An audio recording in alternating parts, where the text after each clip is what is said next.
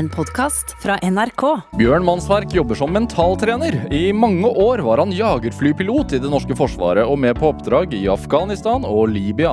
Siden har han tatt med seg erfaringene med å takle stress inn i idrettens verden, og får noe av æren for fotballaget Bodø-Glimts eventyrlige suksess. Nylig ble han også hyrt inn som mentaltrener i det norske oljefondet. Dette er Drivkraft med Vegard Larsen i NRK P2. Bjørn Mannsverk, velkommen til Drivkraft. Tusen takk. Veldig hyggelig å være her. Veldig hyggelig å ha deg her. Hvordan har du det? Jeg har det veldig bra. eh, Og i dag har det det enda bedre. Hvorfor, hvorfor, hvorfor det, det, det sa du da jeg traff deg nede også. Bra start på dagen i dag. Hva, hva skyldes dette? Nei, det skyldes faktisk at jeg snakka med en person i morges på en Teams, da. En Teams-samtale, og eh, han hadde en fantastisk utvikling. Han har virkelig tatt tak i eh, de tingene han kan ta tak i, på en helt annen plass. Ja. Og det gjør meg oppriktig glad. Jeg blir så stolt over folk som får, får det til. Hvor, hvor lenge har dere jobbet mot uh, den samtalen? Jeg var tredje. Ja. Tredje samtalen. Ti, mentaltrening på Teams? Ja, altså når du sier mentaltrener Jeg sliter litt faktisk med å identifisere meg som mentaltrener. Hvorfor, Eh, hvorfor det? Fordi jeg egentlig ikke helt vet hva det er. Hva er en mentaltrener? Eh, Jeg ser på meg litt som, som samtalepartner og rådgiver og ja, ja, jeg sliter litt med begrepet, men jeg har egentlig ikke funnet noe eh, godt erstatning, da. Er det fordi at altså, Hva skyldes det? Altså, kan du ikke bare omfavne det? Du trener jo folk mentalt. Ja, det, det kan du si, men jeg opplever kanskje at det er lite presist, da. Det, det er mange som på en måte bruker begrepet mental trening, og så, så opplever jeg at det vi eh, holder på med, er kanskje litt annerledes. Vi, vi bygger kultur, og vi bygger organisasjon, og vi snakker mye ledelse, og så jobber vi veldig mye med individ. Mm. Så um, Men jeg er litt usikker. Jeg har ikke egentlig gått i, ut i bransjen og sjekka hva, hva alle andre gjør, da. Nei, Og så har du ikke noe Du har ikke gått noen mentaltrenerskole heller. Nei, jeg er ganske ufaglært. Ja. Er det Er det en type altså sånne, Hvor mange sånne samtaler har du i løpet av en uke? På Teams eller i møte med folk? Det varierer litt, da. Jeg, um, hvis jeg er uh, i lag med Bodø-Glimt, Ja. så, så blir det jo 20 pluss samtaler i løpet av uh, kanskje tre dager. Det handler litt om at de har tett kampprogram, og vi uh, må skvise det inn i, innimellom. Hvordan gjør du det? da? Reiser du dit og er der i en uke, og så reiser du tilbake igjen etter en måneds tid? eller noe sånt? Ja, vi har, uh, vi har egentlig trua på Vi kaller det sånn outsider-perspektiv. Og, eh, og det er også et det, det får vi egentlig på, på flere måter. For det første så kan jeg ikke faget. Nå kan jeg jo mer fotball enn jeg kunne i 2017. Ja, Syns du det er gøy nå? Eh, ja, når fotball er underholdende, det er sånn som jeg ser på det. Når jeg føler meg underholdt, så syns jeg det er gøy. Ja. Det er selve spillet. Eh, så, så det, men det å ikke kunne faget uh, betyr at jeg i hvert fall uh, har plassert meg som en outsider, så jeg kan stille spørsmål rundt ting. eh, fordi at jeg er så langt unna. Og det andre, andre og kanskje viktigste det er at vi, vi skal ikke, ønsker ikke å være en del av organisasjonen hver dag ikke være fast til stede. Det vil si at jeg kan komme, får et, egentlig et lite snapshot eh, på en veldig komprimert tid, hvor jeg snakker med individene, eh, og jeg snakker med laget eller gruppa, og får også for så vidt en feeling med hvor er klubben. Mm. Og så kommer jeg tilbake kanskje om fire uker. Tre-fire uker, liksom det intervallet vi eh, går for. Så får jeg et nytt snapshot, og da, da står jeg egentlig i en ganske unik situasjon til å kunne sammenligne. Mm. Uh, og det ser vi er veldig verdifullt. Fordi jeg kan få med meg noen endringer som de, de som er en del av organisasjonen, ikke får med seg. Det er små endringer over tid, og så blir det på en måte bare Ingen legger merke til det. Så det er det outsider-perspektivet. Så svaret på spørsmålet ditt er jo eh, Og det er der en, eh, en gang i måneden, da. Mm. Og da blir det gjerne I hvert fall for Bodø-Glimt sin del så blir det veldig komprimert. da. Det er en tre-fire dager. Og så uh, heftig arbeid, og så hjem. Så da blir det mye samtaler. Og så har du oljefondet. Ja, og så er jeg jo ansatt i, i oljefondet, ikke som mentaltrener, men, uh, men som eh, Team Performance Program Lead. Vil si jeg skal lede det programmet med å, å, å jobbe med team og se om vi kan øke prestasjonene i, i team, da. Ja. Prestasjonskultur. Ja, jobbe med prestasjonskultur, ja. Ja. ja. Uh, og også eh, nyansatt i Kolstad håndball i Trondheim. Ja. Jobba et uh, år med Kolstad nå.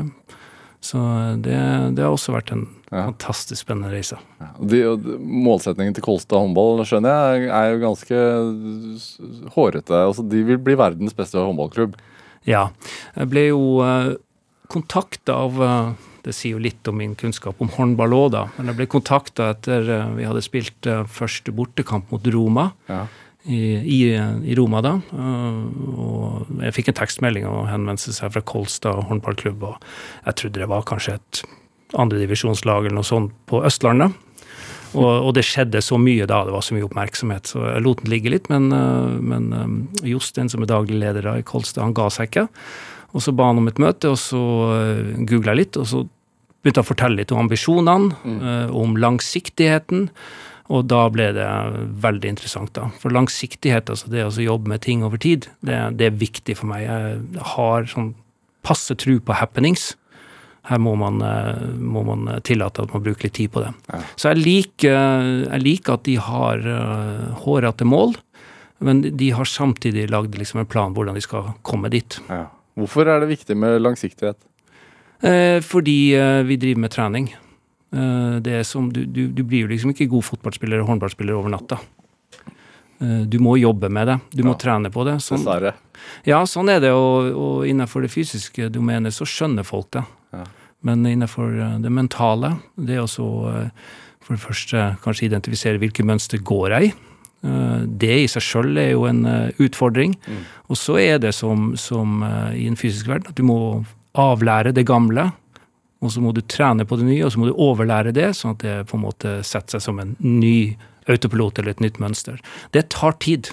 Dette med mål, altså når Kolstad håndball, som jo har uttalt at de har ambisjoner om å, å vinne Mesterligaen i håndball, altså da per def være verdens beste håndballklubb. Eh, Bodø-Glimt som har ambisjoner om å vinne Tippeligaen og komme langt i Europa. Eh, oljefondet, som jo har ambisjoner om å tjene mest mulig penger i en tid hvor det viser seg å være mer utfordrende enn på lenge.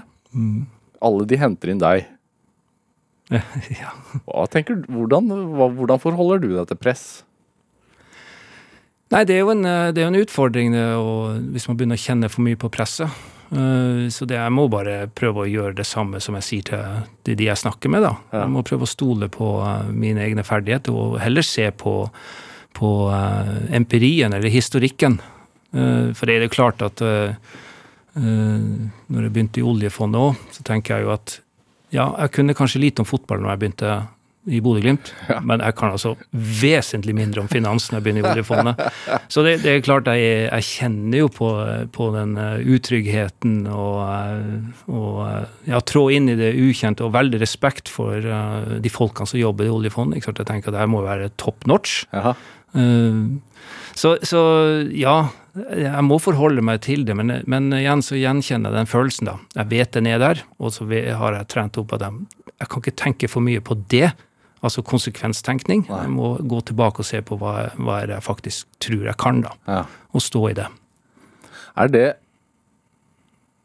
Det må ikke tenke for mye på konsekvens.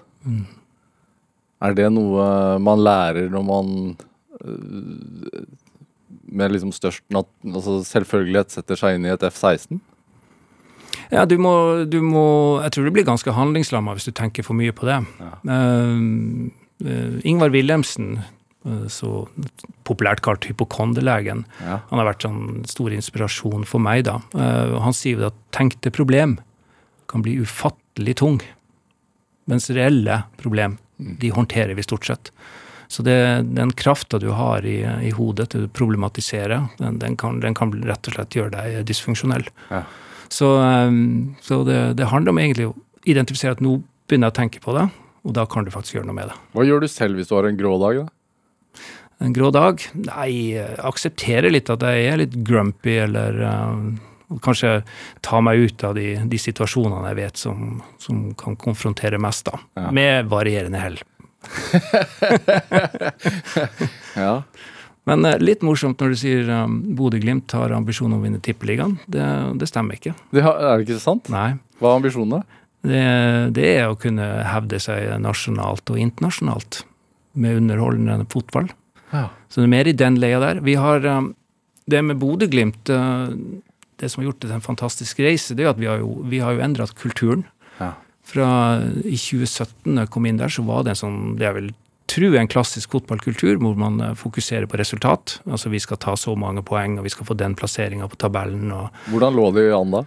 Uh, I 2017 hadde de akkurat rykka ned til Obos-ligaen. Mm. Uh, Det var jo egentlig bakgrunnen for at det her i det hele tatt kom i gang. Det var jo fordi de, de mente i 2016 da, så mente de at de hadde ferdighetene i laget til å hevde seg på toppnivå. Mm. Uh, Men i den aller siste og avgjørende kampen så, så rakna det fullstendig, som de sjøl beskrev som en kollektiv mental kollaps. Men noen smarte hoder, bl.a. Kjetil Knutsen og Håvard Sakariassen, de, eh, de hadde trua på Eller de visste jo fra den fysiske treninga at du blir god på det du trener på. Mm. Det må også være mulig innenfor det mentale. Eh, Så da starta de sin reise eller sin jakt på å finne noe som de hadde trua på. Eh, Og de var ikke De tenkte langsiktig, eh, fordi de visste at eh, mental trening var kanskje kobla litt til mental helse eller sykdom. Mm. Litt stigmatisert. En, en, en litt motstand mot det. Så de var redd for at de kom drassende med et eller annet som på en måte ikke traff, og slo rot, så man kunne jobbe med det over tid. Der kommer det tilbake til det med å jobbe over tid. De var frykta egentlig at uh, spillergruppa på en måte kunne få en motreaksjon, at de lukka seg. Uh, sånn at uh, det var ikke mulig å komme med noe nytt den sesongen eller neste sesongen. De var frykta faktisk at det kunne skje uh, i tre sesonger. Ja, og det var flere der som, av spillerne som vurderte å gi seg. Noen vurderte å gi seg med fotball, noen ville spille på andre lag. Ja, ja, og det, det er nå litt sånn fotballens natur, da. Men, men der hadde vi jo noen helt vanvittige suksesshistorier ganske tidlig. Hvem var du da, i 20, altså da du ble henta dit? I 2017 Ja. Nei, da eh, hadde jeg jo avslutta min eh, aktive jagerflykarriere, så da jobba jeg inne på eh, hovedkvarteret og, og styrte luftoperasjoner og planlegging av sånne ting. Men jeg hadde jo gjennom, Vi hadde et prosjekt mens jeg var jagerflyger i 2010, Ja. som var vi kalte prosjekt mental trening. Og det var litt sånn tilfeldig. Det var min, min daværende sjef som hadde en idé. Litt inspirert av eh, idrettsutøvere, eller toppidrettsutøvere som skrøt av mental trening. Ja, altså Olympiatoppen her i Oslo og sånn har jo brukt det litt. Ja, Ja. og, det, og da, eh, da fikk vi tildelt noen midler til å prøve ut det her. Og da ble vi presentert for Olympiatoppens modell for uh, mentaltrening. Hva tenkte du da? Nei, jeg tenkte i utgangspunktet det, var, det var, hørtes veldig kult ut, fordi det var litt utafor kan du si, tradisjonell jagerflytrening. Um, og jeg tenkte at det å gjøre noe annerledes kan være bra for en organisasjon. Og prøve ut det. Ja. Var, du, var du da skvadronleder, eller var du Jeg var vel nestkommanderende på det tidspunktet der. i Bodø? I Bodø, ja. Ja. ja. Og, øh, og den, når han begynte å beskrive modellen, øh, så, så den er liksom basert på at du, du, du kan ikke nødvendigvis øh, jobbe direkte på de viktigste feltene, altså de mentale ferdighetene. Det er liksom, En av de er selvtillit, en annen er motivasjon. Så det er liksom hvis jeg sier til deg at uh, du har dårlig selvtillit, fiks det til i morgen, så kan det nesten få stikk motsatt effekt. Ja. Så man jobber på et lavere nivå. Ja, for da begynner jeg å tenke hvorfor har jeg dårlig selvtillit? Ja, det er jo fordi at jeg så Ja. så mye ja. Så, så de jobber gjerne litt indirekte på et lavere nivå, og så får de en aggregert effekt. da. Men de, eh, det de det som ble kommunisert til oss, da, det var det at uh, Olympiatoppen har jo identifisert at uansett hvilket område vi jobber på, så det er én fellesnevner, og det er det at du må være til stede i den øvelsen. Det høres ganske selvsagt ut, Ja. men de hadde noen tanker om hva om vi la vekt på ren oppmerksomhetstrening, kan vi da få disse aggregerte effektene på alle nivå? Du, skriver, du har skrevet en bok som, som nylig kom ut, Kampklær, 'Kampklar', Mm. hvor du også skriver at eh, som menneske så har vi Vi kan være fokusert 16 sekunder av gangen, eller et eller annet sånt. Ja, det er ikke, det er ikke, det er ikke min eh, påstand. Jeg har egentlig bare fått høre det av de som, eh, som eh, har studert mye. Da. De har gjort noen eksperimenter, så krangler man om det er 13 eller 16 sekunder. Ja. Poenget er vel at det å, å holde fokus er ganske begrensa. Men gjennom, gjennom det oppmerksomhetstreningsprogrammet, da, så det er en, en viktig søyle der er jo rett og slett å, å trene på å oppdage at du har mista fokus. Der ligger gullet. Ja. For når du blir god på å oppdage at oi, nå har jeg mista fokus, og returnere til å ha fokus, så på en måte så close the gaps, da. Ja, og er det langsiktig eller kortvarig fokus det er snakk om da? Nei, det kan være altså Hvis du spiller fotball, så vil du jo helst ha mest mulig oppmerksomhet i 45 minutter ganger to Ja. på banen. Eh, Det er klart at de, de få sekundene du er borte, kan være avgjørende. Så, og det er jo i, i, i de fleste sammenhenger, tenker jeg. Så det er når, når du trenger fokus, at du da greier å holde fokus. Så den, eh, den eh, Det er en trenbar egenskap. Hvordan det er sånn oppmerksomhetstrening? Hva handler det om? Meditasjon. Ja, rett og slett. Ja, Det vi, vi fikk presentert da som, som oppmerksomhetstreningsverktøyet, var mindfulness. Det var ja, som sagt i 2010. Det var første gang jeg hørte om mindfulness. Så har det jo kommet mye siden da. Men det, det verktøyet han presenterte der, uh, traff i hvert fall meg veldig personlig. da. For jeg så jo også at den, den eh, andre delen som man får trent opp med, med mindfulness, er at du, du på en måte isolerer deg fra alle eksterne uh, stimuli. Hva er mindfulness egentlig? Fordi når man, når man hører det uttrykket, så tenker man jo alternativ eh, Da tenker man jo liksom alternativ medisin eller og yoga og urtete. Ja. Er det Ja, det er blant annet eh, en av de tingene du skal trene opp i mindfulness. Det er jo, eh, altså det ene, det ene søyla går på det å trene oppmerksomheten og holde den, eller oppdage at du har mista den. Og når du har mista den, så prøv å finne ut hva var det som dro deg bort fra å holde oppmerksomheten. Og det, når du sitter isolert i et stille rom med, med lukka øye, og ikke noe, noe hørselinntrykk, og du sitter i ro, ja, så er det ofte dine tanker, dine følelser, eller eventuelt noen kroppslige fornemmelser som har dratt din attention eh, bort. Og da skal man trene opp en evne som eh, man kaller for, for å bli litt mer åpen. Da betyr det at du må være nysgjerrig. Man kan, engelsk så bruker de et fint ord, beginners mind. Altså Det er akkurat som du aldri har tenkt på det her før, eller aldri opplevd det her før. Og så er det noe som heter non-judgmental, ikke-dømmende, som du illustrerte litt nå. Man tenker fort på ja, det er noe alternativt. Men det jo liksom bare være, prøve å være mest mulig nøytral. Og det, og det er veldig viktig i forhold til det å, å komme til en erkjennelse på hvordan ting er. For vi holder litt fast i det gamle, sånn som ting alltid har vært. Og så sier jeg at livet er i konstant endring. Og det å eh, på en måte erkjenne at ting er som det er, da har du en forutsetning for å skape en endring, eller gjøre noe med det, hvis du vil. Ikke tenk på feilene du har gjort. Nei, overhodet ikke. De får du ikke gjort noe med. Men uh, hver gang du gjør en Altså, du må jo på en måte skjønne at vi er et menneske. Det er menneskelig å feile. Så, så sånn sett så mener jeg det at du har feila, det er litt bortkasta å bruke for mye tid og energi på det som har skjedd, og litt bortkasta energi å bruke tid på det som du frykter skal skje, som sannsynligvis kommer til å skje, men heller se på det at når det dukker opp ting, at vi gjør feil, Ja. så er det, en, eh, er det- en, en mulighet for å lære noe. Hvor, hvor um, Hvis man tar det til fotballbanen, da, hvor uh, Det kan være overførbart til så mye, men sånn Hvis en fotballspiller gjør to feilpasninger eh, på rad, hvor ødeleggende kan det være mentalt? Ja, de, det er jo en ting som vi som Kanskje en grunnleggende ting vi snakker om, da. Det er jo eh, det, faren medra, for å si det sånn, da. Hvis du har, eh, hvis du har liksom Jeg må få til den første pasninga. Ja. Hvis du ikke får til den, har du da ødelagt resten av kampen.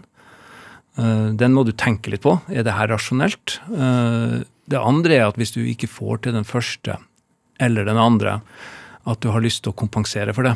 Nå skal du gjøre det godt igjen.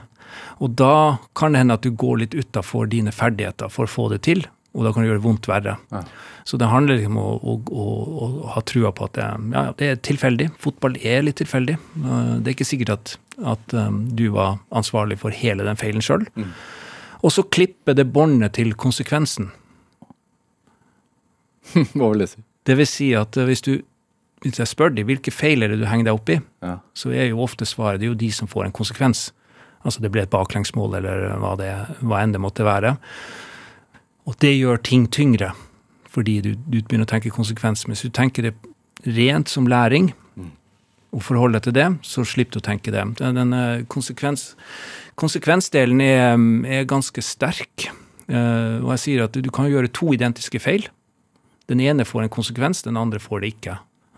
Du tar bare læring av du har potensielt, tar du bare læring fra den som får en konsekvens.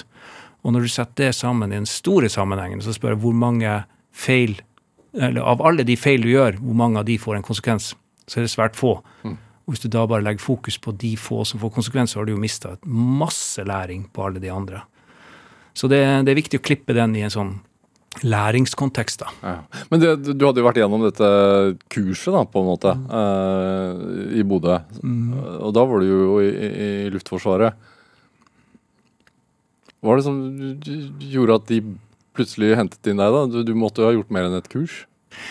Ja, nei, jeg holdt jo Jeg syns jo mindfulness-delen og hele mentaltreninga var gans, ganske fascinerende. Jeg er jo sikkert over snittet interessert i hvordan folk tenker. Eh, Det er liksom min, min drive. eh, Møte mennesker for å finne ut hvordan de tenker. Eh, Så, så meg og eh, Da er vi to, si. ja, da er vi to. Så, så jeg, jeg holdt jo litt foredrag og holdt litt kurs fremover. Men uh, hovedgrunnen til at uh, det her ble plukket opp, var jo fordi at når Bodø-Glimt da etter nedrykket og utover vinteren 2017 var på sin jakt, så kom de tilfeldigvis i prat med en jagerflyger.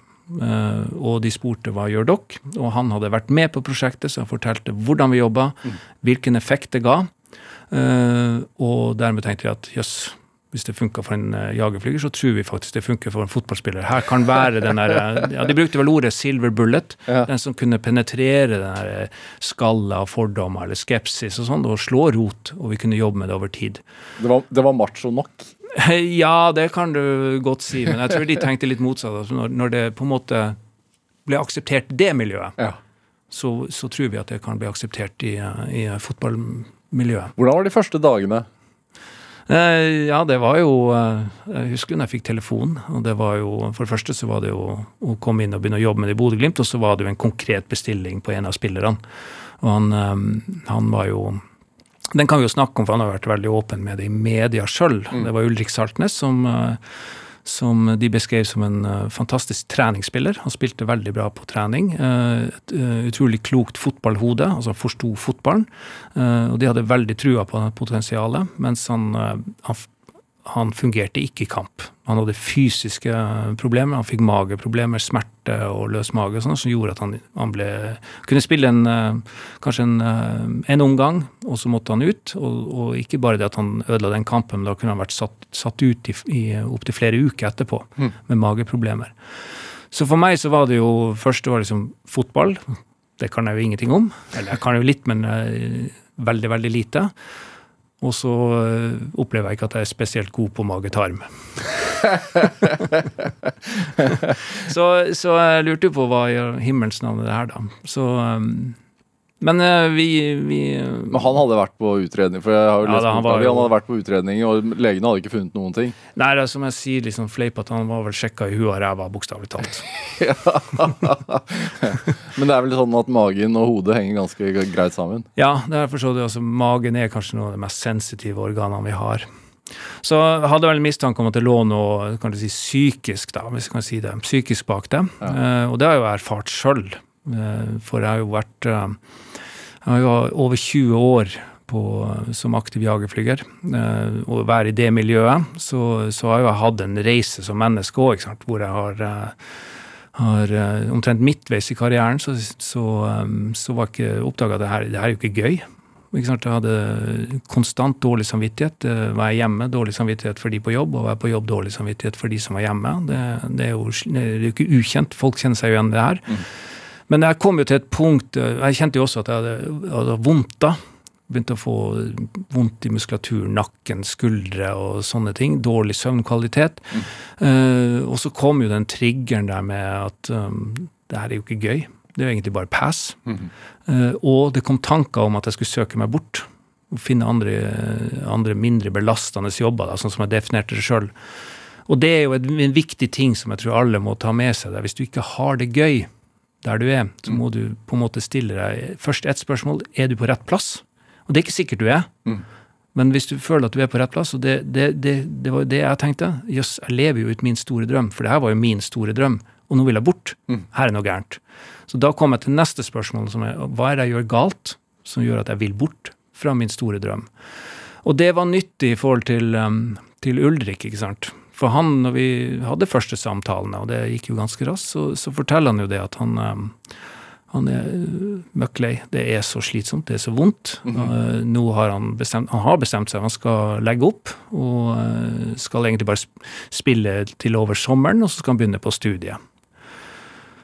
Og da gikk vi tilbake og så stilte jeg det spørsmålet, ikke sant. Er, er du på rett plass? Mm. Er det her din store drøm? For du, han forstår jo at han kan ikke Faktorens orden betyr noe her. Du kan ikke ta utdannelsen og så bli fotballspiller igjen. Det er for seint. Da er det for sent. Uh, og så sier han jo, jeg trives jo. Det her er jo min store drøm. Det her jeg vil holde på med. Men, men han kom til det neste. ikke sant? Det er et eller annet jeg gjør gærent i forhold til uh, uh, å ha det gøy og, og slappe av og nyte. Så, og, og det sporet forfulgte vi litt, og så fant vi ut at han har jo vært veldig selvkritisk. Jeg kjente meg igjen. ikke sant? Ja. Uh, mye vil ha mer. Uh, lista legges høyere, det er bare nedside. Du når aldri opp. Uh, driv deg hardt. Du legger press, Det er det å legge press på seg sjøl. Du driver deg litt for hardt. til det punktet at kroppen begynner å si fra, sånn som det gjorde med meg. men han hadde drevet så langt at kroppen sa absolutt stopp. Ja. Så, så, var det troverdig nok for oss, da. At det var en årsak. Og så tenker vi at ok, da må vi kanskje prøve å ta bort det presset. Og hvordan kan vi få til det? Og da utnytta vi egentlig det at han hadde valgt å slutte, eh, eller skulle slutte. Eh, og ikke hadde han så mye spilletid heller, da, som sagt, pga. de problemene. Ja. Så da sa de da kan vi ta litt sånn Per Fugli gi faen. ja. Og så rett og slett bare Er det så farlig? ja, er det så farlig? Så hva er konsekvensen av at du nå gir litt faen? Mm -hmm. Du får jo ikke sparken i Bodø-Glimt, for du har jo sagt opp. Uh, og, du, uh, og du, du, kan jo knapt få noe mindre spilletid. så, og, og, så klarer han det. Ja. Så klarer han det, altså, å bare slippe helt opp, og så er det ren magi, altså, hvor, uh, hvor kjapt ting snur, da. Han var en fantastisk reise. Han ja. spilte kamp på kamp, bøtta inn mål, var svært dominerende. Det ble ikke noe studie på han. Så han er jo i dag en av uh, kapteinene på Bodø-Glimt som har vært kanskje en av de, ja, en av de største kulturbærerne. Ja. Så det er helt fantastisk hvor mye kraft det er i, i, når du tar tak i eget liv. da. Ja, og Bare lære deg å gi litt blaffen. Ja. Men Å klare det. Ja, det er nettopp det. Hvordan gjør man det? Ja. Nei, For han så var det, det, var det jo egentlig å lure han litt. Altså lure sin egen hjerne.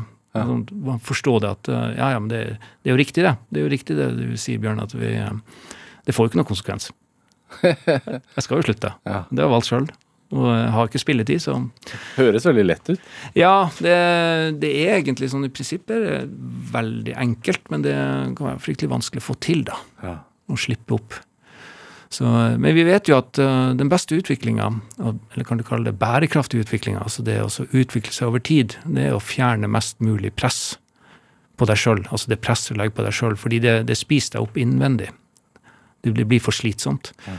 Uh, men du må jobbe hardt. Det er en annen. Du må jobbe hardt. Men det, det tåler vi.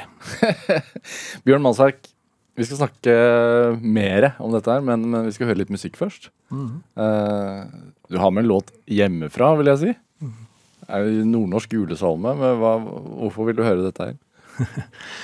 Nei, jeg er jo nordlending, um, og den, den, sangen tror jeg betyr mye for mange nordlendinger. Mm. Uh, Trygve Hoff, som har skrevet den, uh, har jeg også på en måte Ikke en direkte relasjon, da, men jeg har en, en connection til det da, fra, fra barndommen.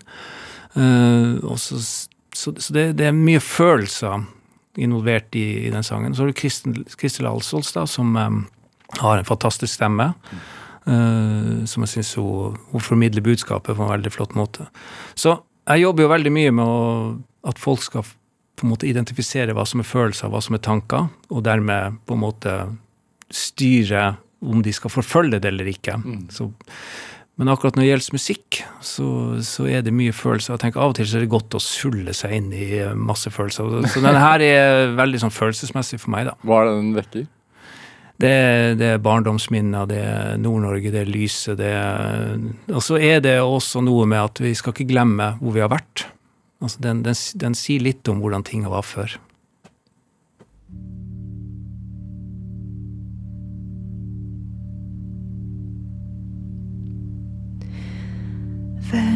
Velsigna du dag over fjordene Velsigna du lys over land. Velsigna de evige ordan om håp og ei utstrakt hand. Verk dette liv oss den dagen du fløta oss hit. Så vi kjenner du aldri vil la oss forgå.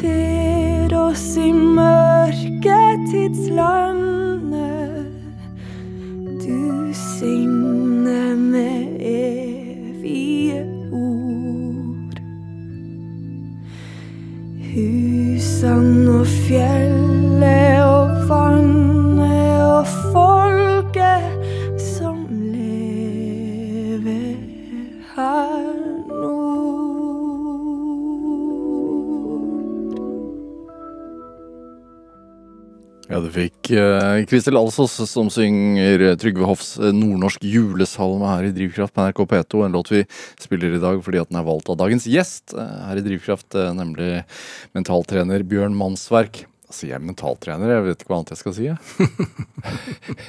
Tidligere jagerflypilot eh, og coach? Nei, jeg har ikke noe bedre ord. Ja. Jeg syns Bodø-Glimt så har daglig leder han sier at kulturbygger. Kulturbygger, ja. Den, liker jeg litt. ja. Eh, Du, du, du sa før vi spilte den låten her at den vekker barndomsminner. Hva tenkte du på når du hørte den da? Nei, jeg tenker, jeg er jo født og oppvokst i Alta, um, og um, der har vi jo mørketida. Jeg er veldig glad i mørketida. og Det, det lyset vi har der, er helt fantastisk. Så, og det, det fascinerer meg fortsatt. Um, så det vekker jo de minnene. Uh, jeg vet Trygve Hoff var jo, uh, var jo lærer, da, så han var jo på Finnmarkkysten. Jobba som lærer der, så det, det, det gamle Gamle minner fra, fra første kjæresten min. da. Det var der var liksom mora hadde hatt et forhold til han. Oh, ja. Ja, så jeg er sånn tilbake til, eh, til den tida der, da. Ja. Hva slags hjem er du fra? Eh, to foreldre som eh, begge jobba. Far min var elektroingeniør, så det var vel egentlig dit jeg skulle, da. Ja. Eh, og mor mi var sykepleier. Eh, så, eh, men de, var, de holdt i lag i alle år. Far min døde nå i, i ja, for snart et år siden. 96 år. Hm. Og min mor er 92. Så du kan, det kan hende du må slite med meg ganske lenge. for å si sånn. Bra gener, ja. Så, eh, og det var, det var veldig mye natur da. Vi hadde hytte på fjellet, og det husker jeg straks det var helg og sånn, så humpet jeg av gårde i en Volvo Amazon langt innover fjellet, og så gikk vi inn på hytta. og eh, det å så komme inn, fyre opp i ovnen, og så sjøl komme seg ut, fiske. Jeg var veldig glad i å fiske. Og Det å, å dra ut i eh, denne robåten som lakk, selvfølgelig, og det fikk jeg gjøre alene. Eh, og eh, få ut fiskestanga, måtte kile den fast, husker jeg, bak, i, eh, bak enden av båten, i, eh, sånn at den sto eh, oppreist, og så begynne å ro, og så se på kjølvannet, at nå eh, ror jeg rett, og så samtidig se litt eh, fremover, at jeg ror mot de riktige fiskeplassene. Mm. Um, jeg var, var fantastisk. Sånn trygg, trygg oppvekst. Vi Ja. fikk mye frihet. Var du trygg i deg selv? Um, ja, jeg tror nok jeg var ganske sånn, sånn um, Ganske trygg, men jeg var aldri Jeg var kanskje hva skal jeg si, litt sånn mindreverdighetskompleks, da. Litt redd for å I den form at jeg var litt redd for å snakke foran forsamling eller noe sånt. Det syns jeg var, var ubehagelig. Ja. Uh, klassesammenheng, hvis det skulle være noe fremføring og sånn, det syns jeg var litt pyton. Denne øh, flygekarrieren din, hvor tidlig ble det en drøm? Det ble nok veldig, veldig veldig tidlig. Det, det var, den store drømmen var å bli eh, flyger i SAS. Mm. Uh, og det hadde nok med at, det var, at SAS fløy til Alta. Uh, så det, det, det har skjedd veldig veldig tidlig. Jeg husker fra jeg begynte, begynte å sykle og fikk lov å, å sykle alene. Så sykla jeg hjemmefra da, og ned til flyplassen, og det er en to-tre kilometer.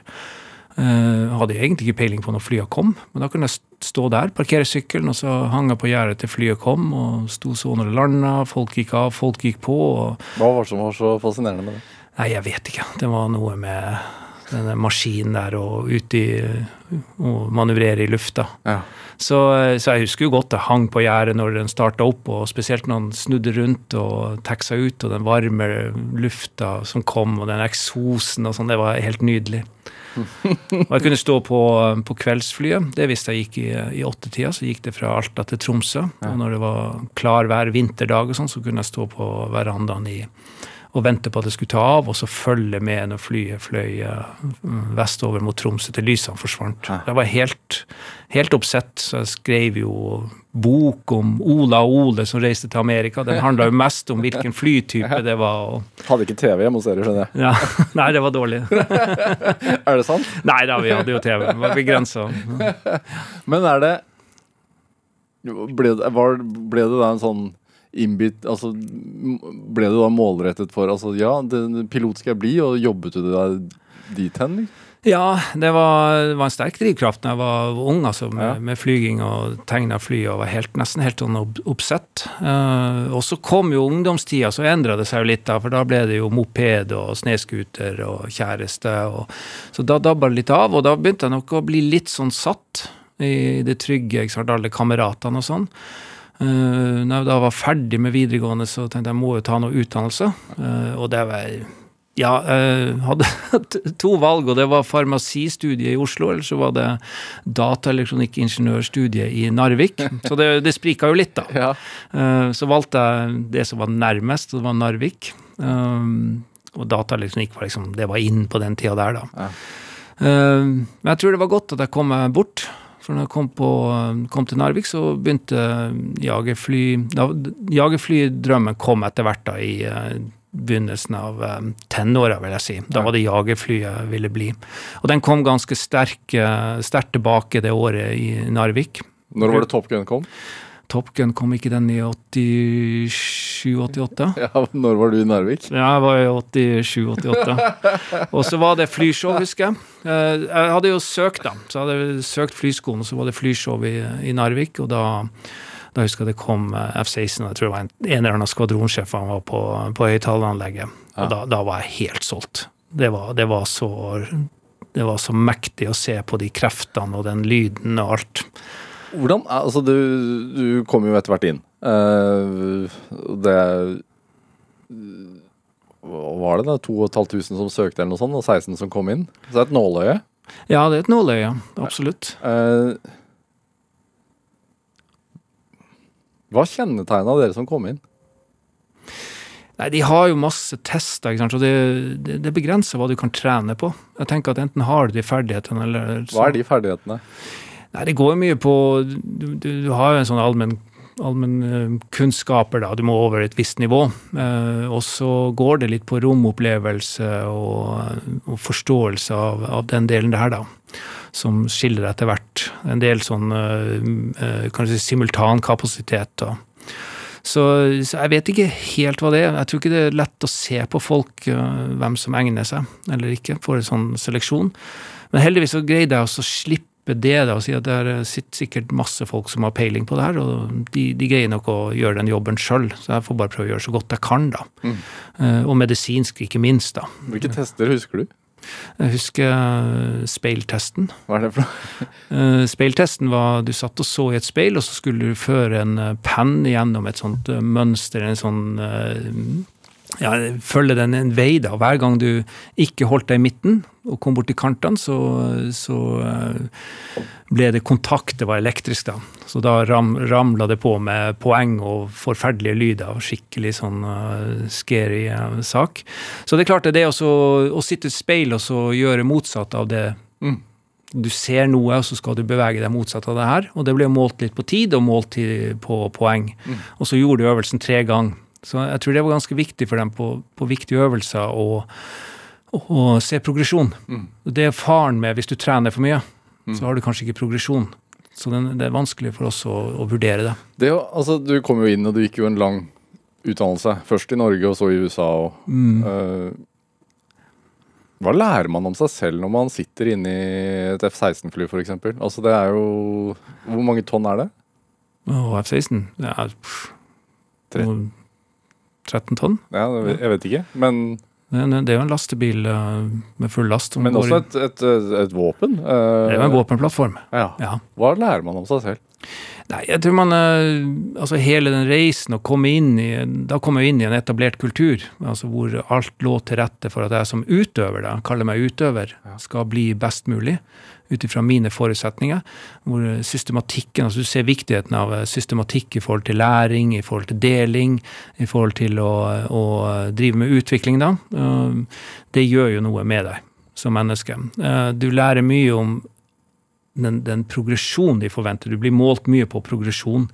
Det er så mye informasjon som skal læres på kort tid. Og at, at du forstår at når en, du skal spise en elefant, så må du bare begynne å spise den bit for bit, og, og ikke tenke så mye på det. Jeg hadde jo sjøl sånn Jeg tenkte at det er sikkert større idioter enn meg som har kommet gjennom det her før. Det var liksom min måte å, å, å deale med det presset som var da.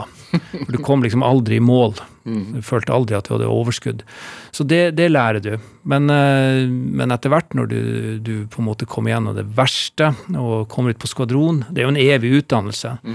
Men når du føler den mestringa, det er også eh, Ja, jeg fikk sånn følelsen når jeg satt, satt meg inn i F-16, og så kom teknikerne og hjalp meg med utstyret. Så følte jeg egentlig at jeg ikke streppa meg fast til flyet, men jeg kledde på meg flyet. Det var liksom armene forsvinner ut i vingene, og vi, vi, vi blir ett. Det. Så det, um, det er jo en mestringsfølelse og en vanvittig frihetsfølelse. Og du kjenner på ansvar, men du, du, du, du sitter alene, men du jobber i lag. Det, å, å lede et team, det, det, det er veldig mye da som uh, Men, men også du øh, fløy jo, har jeg forstått, nærmest to, to makk, er det det heter? Nei. Ja, F-16 gikk, uh, hadde vel sånn grensa på 2,05 makk, da. Ja. Ja. Som er ganske fort. Det er ganske fort, men du merker ikke så mye til det, for du flyr høyt. Ja. Hvor fort er det? Uh, ja, det er vel en 2300 km i timen. Ja. Og der sitter du og er og har kledd på deg flyet Ja. og har høydeskrekk. Ja, høydeskrekk, ja. det, ja, du har det. Ja, jeg har veldig høydeskrekk. Det er jo helt tullete. Ja, det er litt tullete, men uh, Er det, er det noe man sier når man eh, skal jobbe som, eh, som eh, mentaltrener? At ja nei, men jeg har høydeskrekk, jeg klarte det. Er, ja, ja, faktisk. Det, er- det er ganske viktig, det. Også, på en måte når man blir kjent med seg sjøl. Så er blant annet det, det Ok, der vet jeg at jeg har en eh, sårbarhet, Ja. og da er det like greit å si det. Da forstår man jo litt. Da kan andre forstå, men jeg bruker det jo i, i forhold til eh, alt vi har av frykt, eller hva vi er redd for. Så er det jo eksponering. Ja. Som jeg tenker at du må tørre å eksponere deg og se at det går bra. Så, så det jeg har gjort, det er jo at jeg drev og begynte i klatrevegg. Ja. Begynte med det, da, og det var jo helt forferdelig. Ja. Og spesielt den som skulle stå og sikre. Altså lære å stole på utstyr og stole på andre og eksponere seg for høyde. Så det har blitt bedre. Men, eh, men jeg, jeg kan nesten ikke sitte og se på TV. Folk som eh, er på fjelltopper eller står på kanten av stupet. Det er for fysisk ubehag. Ja. Så det, det er jo en ren sånn bortreist Hvis du er passasjer på et rutefly, da? Nei, da Jeg skal, skal til si, jeg vet- jo hvem, hvem mange av de, er mine tidligere kollegaer som sitter foran. Jeg vet ikke om det er bra, eller men, eh, men sånn stort sett så, så er det vel ingen av de som sitter foran, som er interessert i å dø. Så eh, vi, vi, har, vi har den samme motivasjonen på at det skal gå bra. Ja. Så jeg kobler av. Er det verre for deg å være passasjer enn å fly det sjøl? Nei, ikke nå. Nei. Nei, nå er jeg veldig glad at jeg er passasjer. Men det, altså, du Det å sitte i et jagerfly og øve er én ting, men du har fløyet skarpe oppdrag også? Ja. ja. Det har jeg. Ehm, så vi første som jeg var med på, var jo etter 9-11. Ehm, da ble vi etter hvert sendt til uh, Kirgisistan. Det er jo virkelig Bortvekkistan i forhold til uh, hvordan ting er der, og se ny kultur. Og eh, fløy derifra og inn i Afghanistan under en relativt skarp operasjon, Operation Enduring Freedom. Og det er klart at det, det gjør noe med deg når du liksom This is the real stuff. Fordi vi drev jo stort sett bare med trening, og nå er det the real stuff. Det å, eh, å sitte i cockpit når du krysser grensa inn i Afghanistan og begynner å flytte på brytere du normalt ikke har flytta på.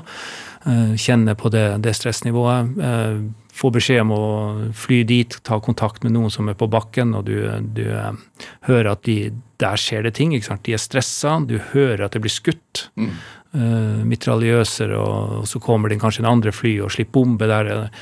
Det er det er en ekstrem uh, opplevelse, det er det. Mens eh, eh, så fikk vi en runde til i Afghanistan, da var det litt mer rolig. Eh, da fløy vi fra Kabul, altså vi lå på flyplassen. Eh, men å, bo inn i et, eh, et land som er såpass utrygt, det, det gir noe perspektiv. Eh, og så kom jo Libya i 2011, da. Og det, det, var, det, var, det var ganske spesielt. Da, det er eneste gangen du har vært med på å avlevere Ja.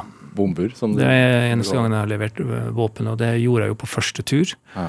Uh, og det her var jo i 2011, så det var jo ett år Da vi drev med mental trening på skadronen i ett år. Eh, og det var, følte jeg var ekstremt nyttig i forhold til å håndtere de inntrykkene man fikk da. For det første så bodde jo vi i Chania, altså like ved flyplassen. Eh, det, er det er jo en ferieby. Altså Folk går rundt uh, i uh, shorts og med familien går ned på stranda. Og du sitter eh, med bassenget eller prøver å få tida til å gå, for du, du skal ut og fly på natta. Så flyr, drar du inn på, um, på basen, og så skifter du fra shorts til, til ørkenfarga flightsuit og får på deg alt det spesielle utstyret, gå gjennom turen. Um, og så tar det av i, i nattemørket, og da var det ikke så uvanlig at det sto flere charterfly der. Uh, og vi hørte jo at det var våre tidligere kollegaer som satt i uh, cockpit. Så de flyr feriegjester, og vi skal ut og, og slippe våpen. Så det, um, den, de kontrastene der er ganske, ganske store, da. Og Hvordan? det Ja. Det da, da, da, da har man jo øvd på dette her. Man er en del av et forsvar, man er en del av et Nato-samarbeid. Man får jo en ordre om å uh, slippe våpen, som du sier, uh, mot da uh, fiende. Hvilke spor setter det? Nei, det er jo, det, igjen så ser du viktigheten av å, å trene likt. Altså, Train as you intend to fight, da. Det var et sånn eh, mantra vi hadde, eller train as you fight. Eh, og vi trente jo stort sett, men det, vi, vi tenkte jo at vi, det vi bruker tid på å trene på, det blir vi gode på. Da må det funke. Da må vi ha trua på at det funker i krig. Og det at vi har trent så mye, gjorde at uh, mye stress forsvinner fordi det blir ikke en overgang. Du gjør det samme, stort sett. Og det er et sånn viktig prinsipp vi har tatt med i fotball nå. Uh, men eh, de følelsene du får, og det var jo kanskje det jeg hadde tatt med meg ned, jeg skulle ta de på alvor. Eh, og den første turen så visste jeg jo hva jeg skulle gjøre, for det var et sånt uh, predefinert uh, målområde. Så jeg har fått sett bildene, jeg har sett alt av etterretning, ikke sant? så jeg var ganske komfortabel med at det her er et militært og et veldig legitimt mål. Så det, det stressnivået var ikke der. Og så var jeg veldig var på at jeg ikke skulle bli si, hyper på alle sjekker. Nå må jeg på en måte stole på at treninga funker, så jeg gjør mine sjekker, så gjør jeg det en gang til, og så lar det gå. Eh, Men den, den første, første turen var, var ganske viktig i forhold til den videre prosessen, fordi eh, Eh, jeg merka jo når vi, vi, fløy fra Kreta og ned i Middelhavet, altså innunder tankflyet eh, for å få litt mer drivstoff. Du merker jo at du er tungt lasta, for du har våpen. Mm.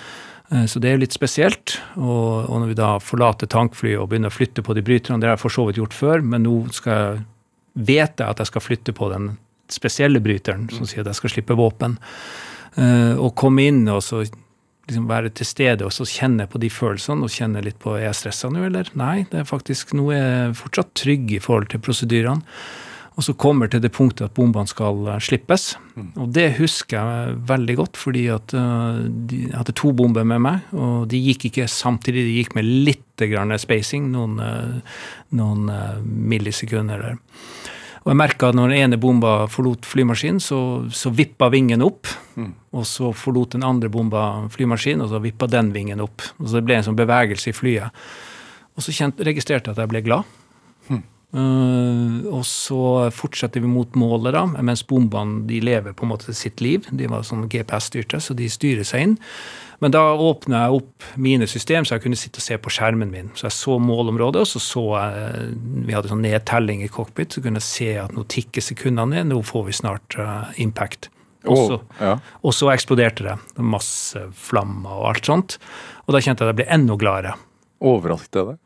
Ja, men jeg hadde egentlig bestemt meg på forhånd at jeg, igjen, jeg skulle ikke være judgmental. Nei. Jeg skulle bare ta det Ok, det var det som skjedde. Jeg bare erkjente at det var det som skjedde.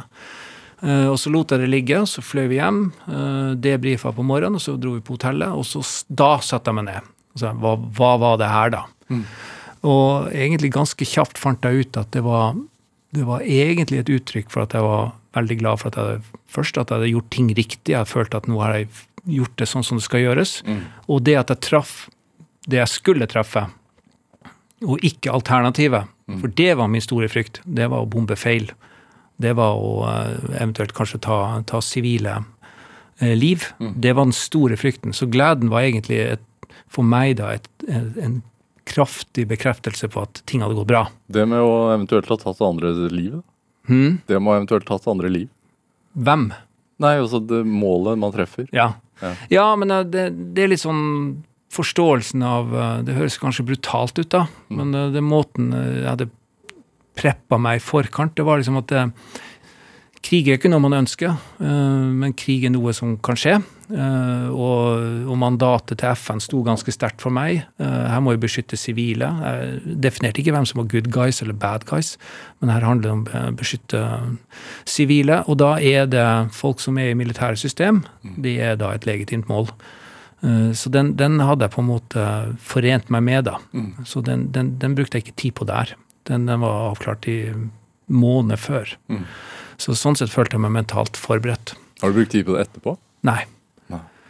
Nei. Men jeg hadde bestemt meg at jeg skulle ta alle følelsene mine på alvor. Uh, så jeg skulle ta tak i det der og da. Uh, og når jeg fløy òg, så vi fløy andre oppdrag der vi fikk mer ansvar i cockpit til å identifisere målene. Uh, og da har jeg også sagt at hvis jeg ikke hvis jeg kjenner nakkehåra reise seg, så skal jeg ta det på alvor. Så, så det, var jo, det var jo målet jeg lot gå. Mm. I dag når, når, du jobber i det sivile, mm. Hvor viktig er det i forhold til de du prater med, og som du jo har som oppdrag å hjelpe, da, uh, med, med, at man skal ta alle følelser på, på alvor? Man skal eh, registrere følelsene, så skal man på en måte reflektere litt rundt det, ikke bare hoppe på følelsen. Ja. For det, det, kan Hva er forskjellen? Eh, forskjellen er at du, jeg tror mange man, man, snakker om det følelsesmennesker, og at de, de, de, de gråter eller noe, noe sånt. Men jeg tenker det man ikke ser, det er når man bare reagerer på Man begynner å bli redd, man begynner å kjenne på noe frykt, og så bare handler man istedenfor å registrere at nå er jeg faktisk litt redd, hva kan jeg gjøre med det? Kan jeg søke støtte hos andre, og ikke bare agere sånn umiddelbart? Så, men det handler om at du trener opp evnen til å registrere at det faktisk er en følelse, eller at det er en tanke som kommer. Mm. For da kan du gjøre noe med det. Hvis du ikke gjør det, så kan du plutselig bli ett med det. Mm. Det ligger ekstremt mye kraft i det. Så vi sier, og Det er jo det mindfulnessen er, er, er bra til, da, å trene opp evnen til å Oi, det var det som tok min uh, attention nå. Det dro bort min oppmerksomhet, og da tenkte jeg på det, eller uh, følte det. Uh, Da bygger det opp en bevissthet bak. Så, så det er viktig å forstå at vi er ikke våre tanker og følelser. Vi har ikke kontroll på hva vi tenker og føler. De kommer og går. Og sånn er jo just nå. Du blir jo ikke dømt for hva du tenker. Du blir jo dømt for hva du gjør.